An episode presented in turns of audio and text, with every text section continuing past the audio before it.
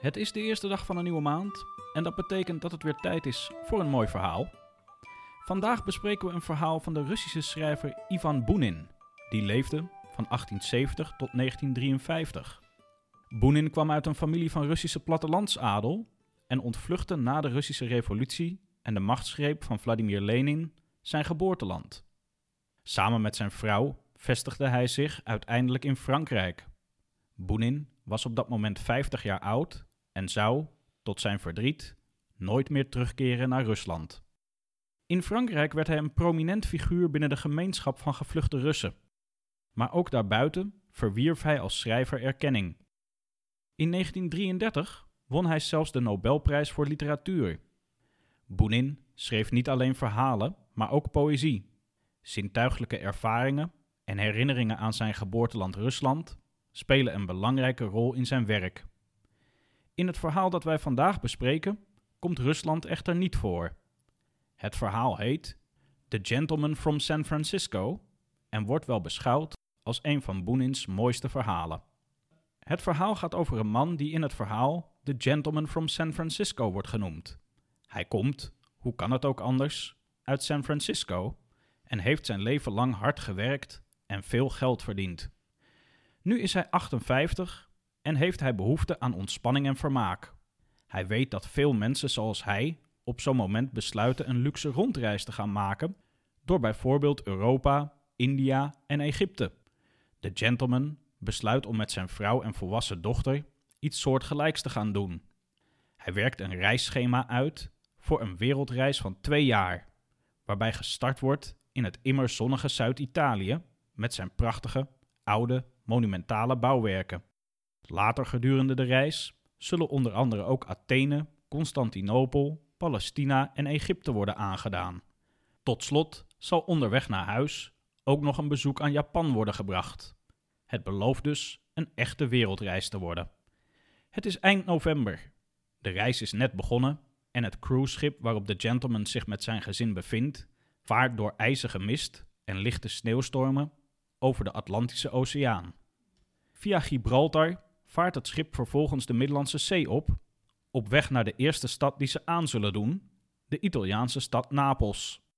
Onderweg is het leven aan boord van het enorme schip een en al luxe en comfort. Er wordt uitgebreid ontbeten, geluncht en gedineerd. Op andere momenten draait ook alles om ontspanning en zorgeloos over de boot flaneren. Zo nadert het schip de Italiaanse kust. De eilanden Capri en Ischia komen in zicht en niet veel later vaart het schip de haven van Napels binnen.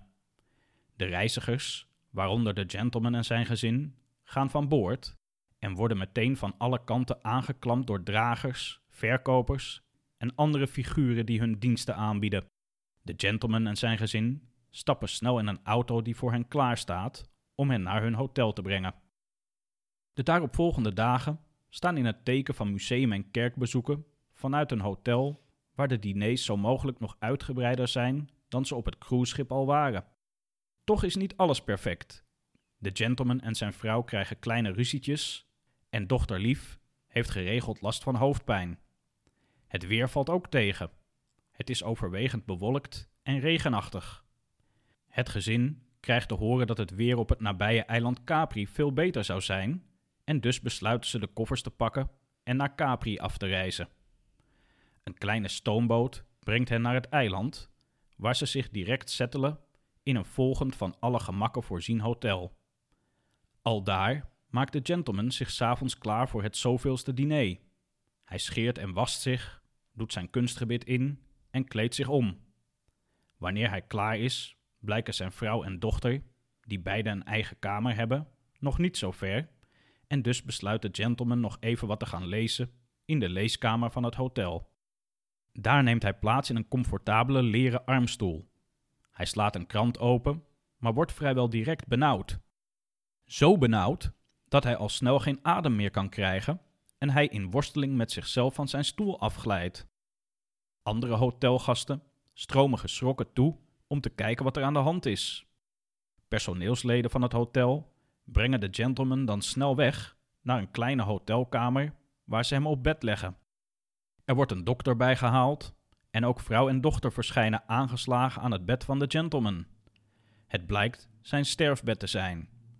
De gentleman stopt met ademen en de dokter bevestigt diens overlijden. De eigenaar van het hotel toont vervolgens weinig compassie en wil zo snel mogelijk van het levenloze lichaam af, uit vrees dat het hotel door deze ellendige gebeurtenis reputatieschade oploopt. Met name de echtgenote van de gentleman is hier kwaad over, maar de hoteleigenaar is onverbiddelijk. Een doodskist regelen kost te veel tijd. De gentleman wordt in een grote kist gelegd, waar normaal gesproken flessen water in worden vervoerd. De volgende ochtend vroeg wordt de kist met paard en wagen naar de haven van Capri gebracht en op een boot geladen. Echtgenote en dochter worden tegelijkertijd met een auto naar de boot gereden en gaan ook aan boord. Tien minuten later vaart de boot weg van het eiland. Een week daarna zijn de kist, de echtgenote en de dochter weer aan boord van het grote cruiseschip waarmee de reis was begonnen en dat nu terug zal varen naar Amerika.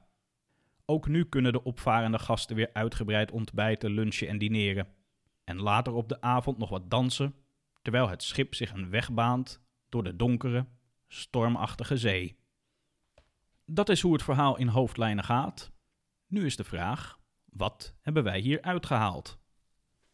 Laten we eerst eens kijken naar de gentleman en zijn gezin. Mhm.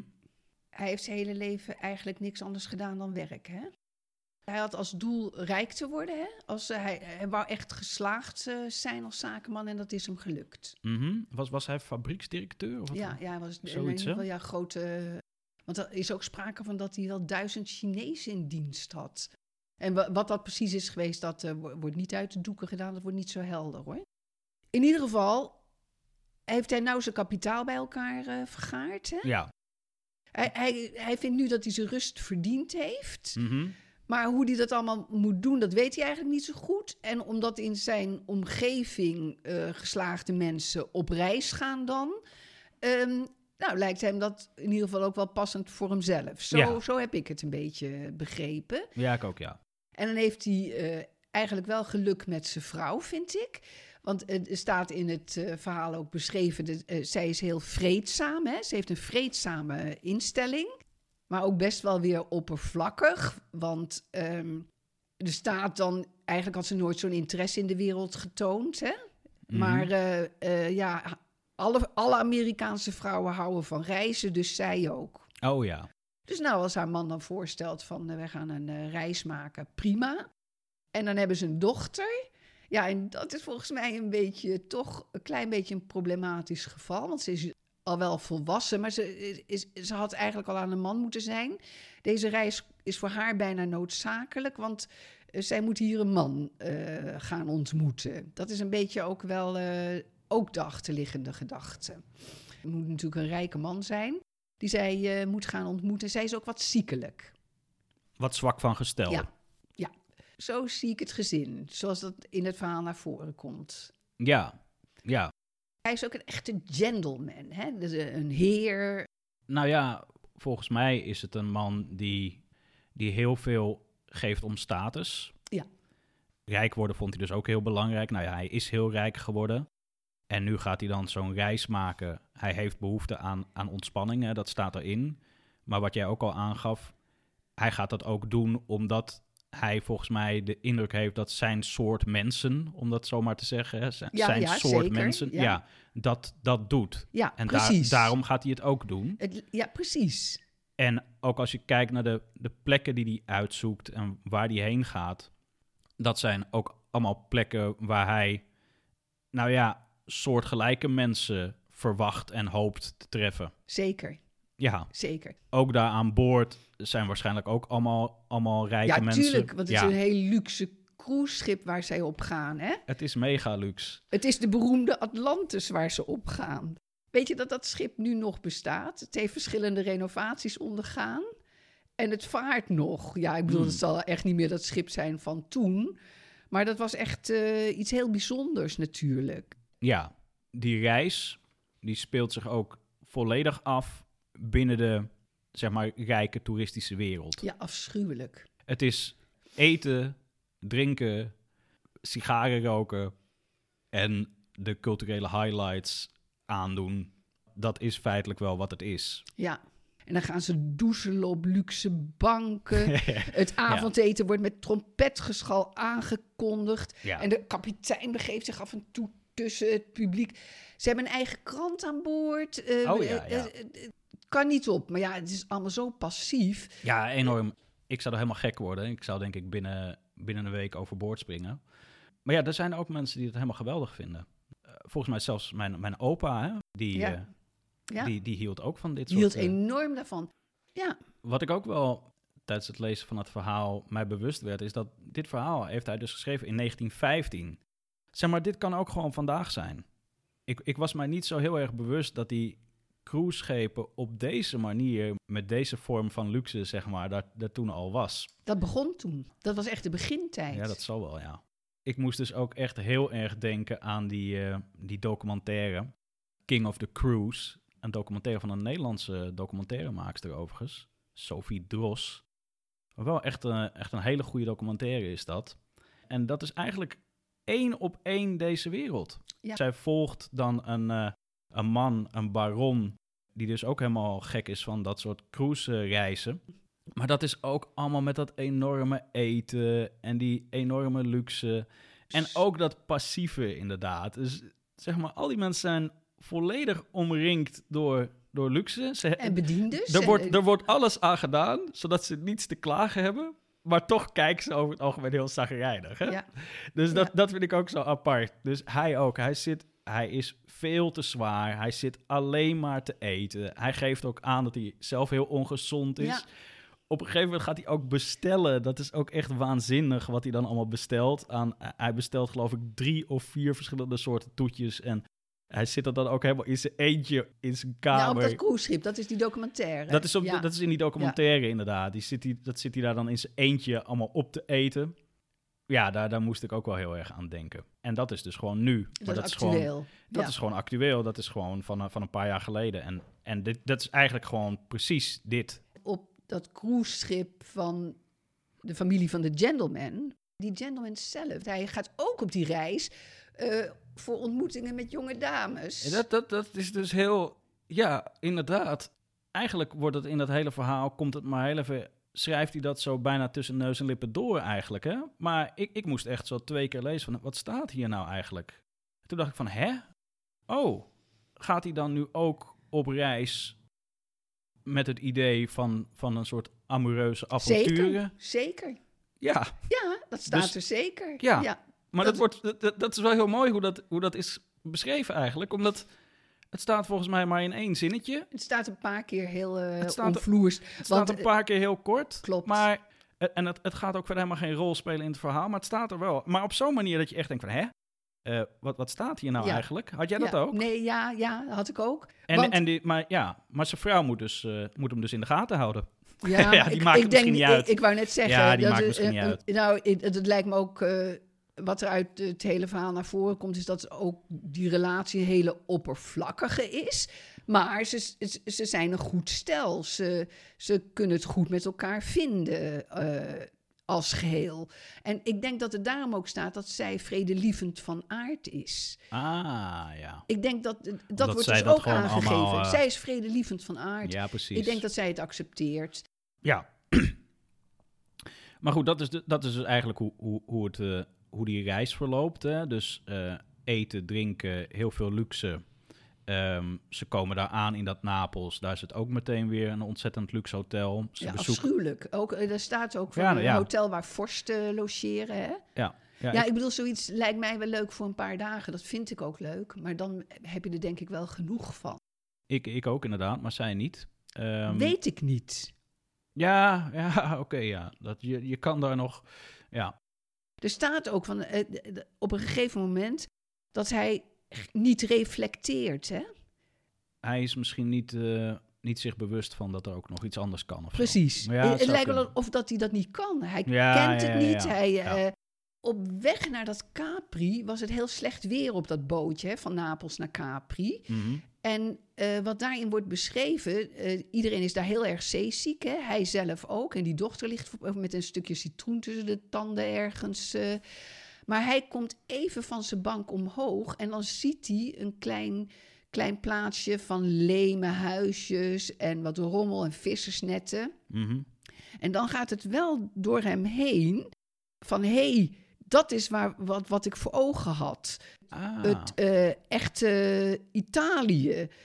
Hij ziet even iets oorspronkelijks. Kleine huisjes, eh, stapels vodden, bootjes.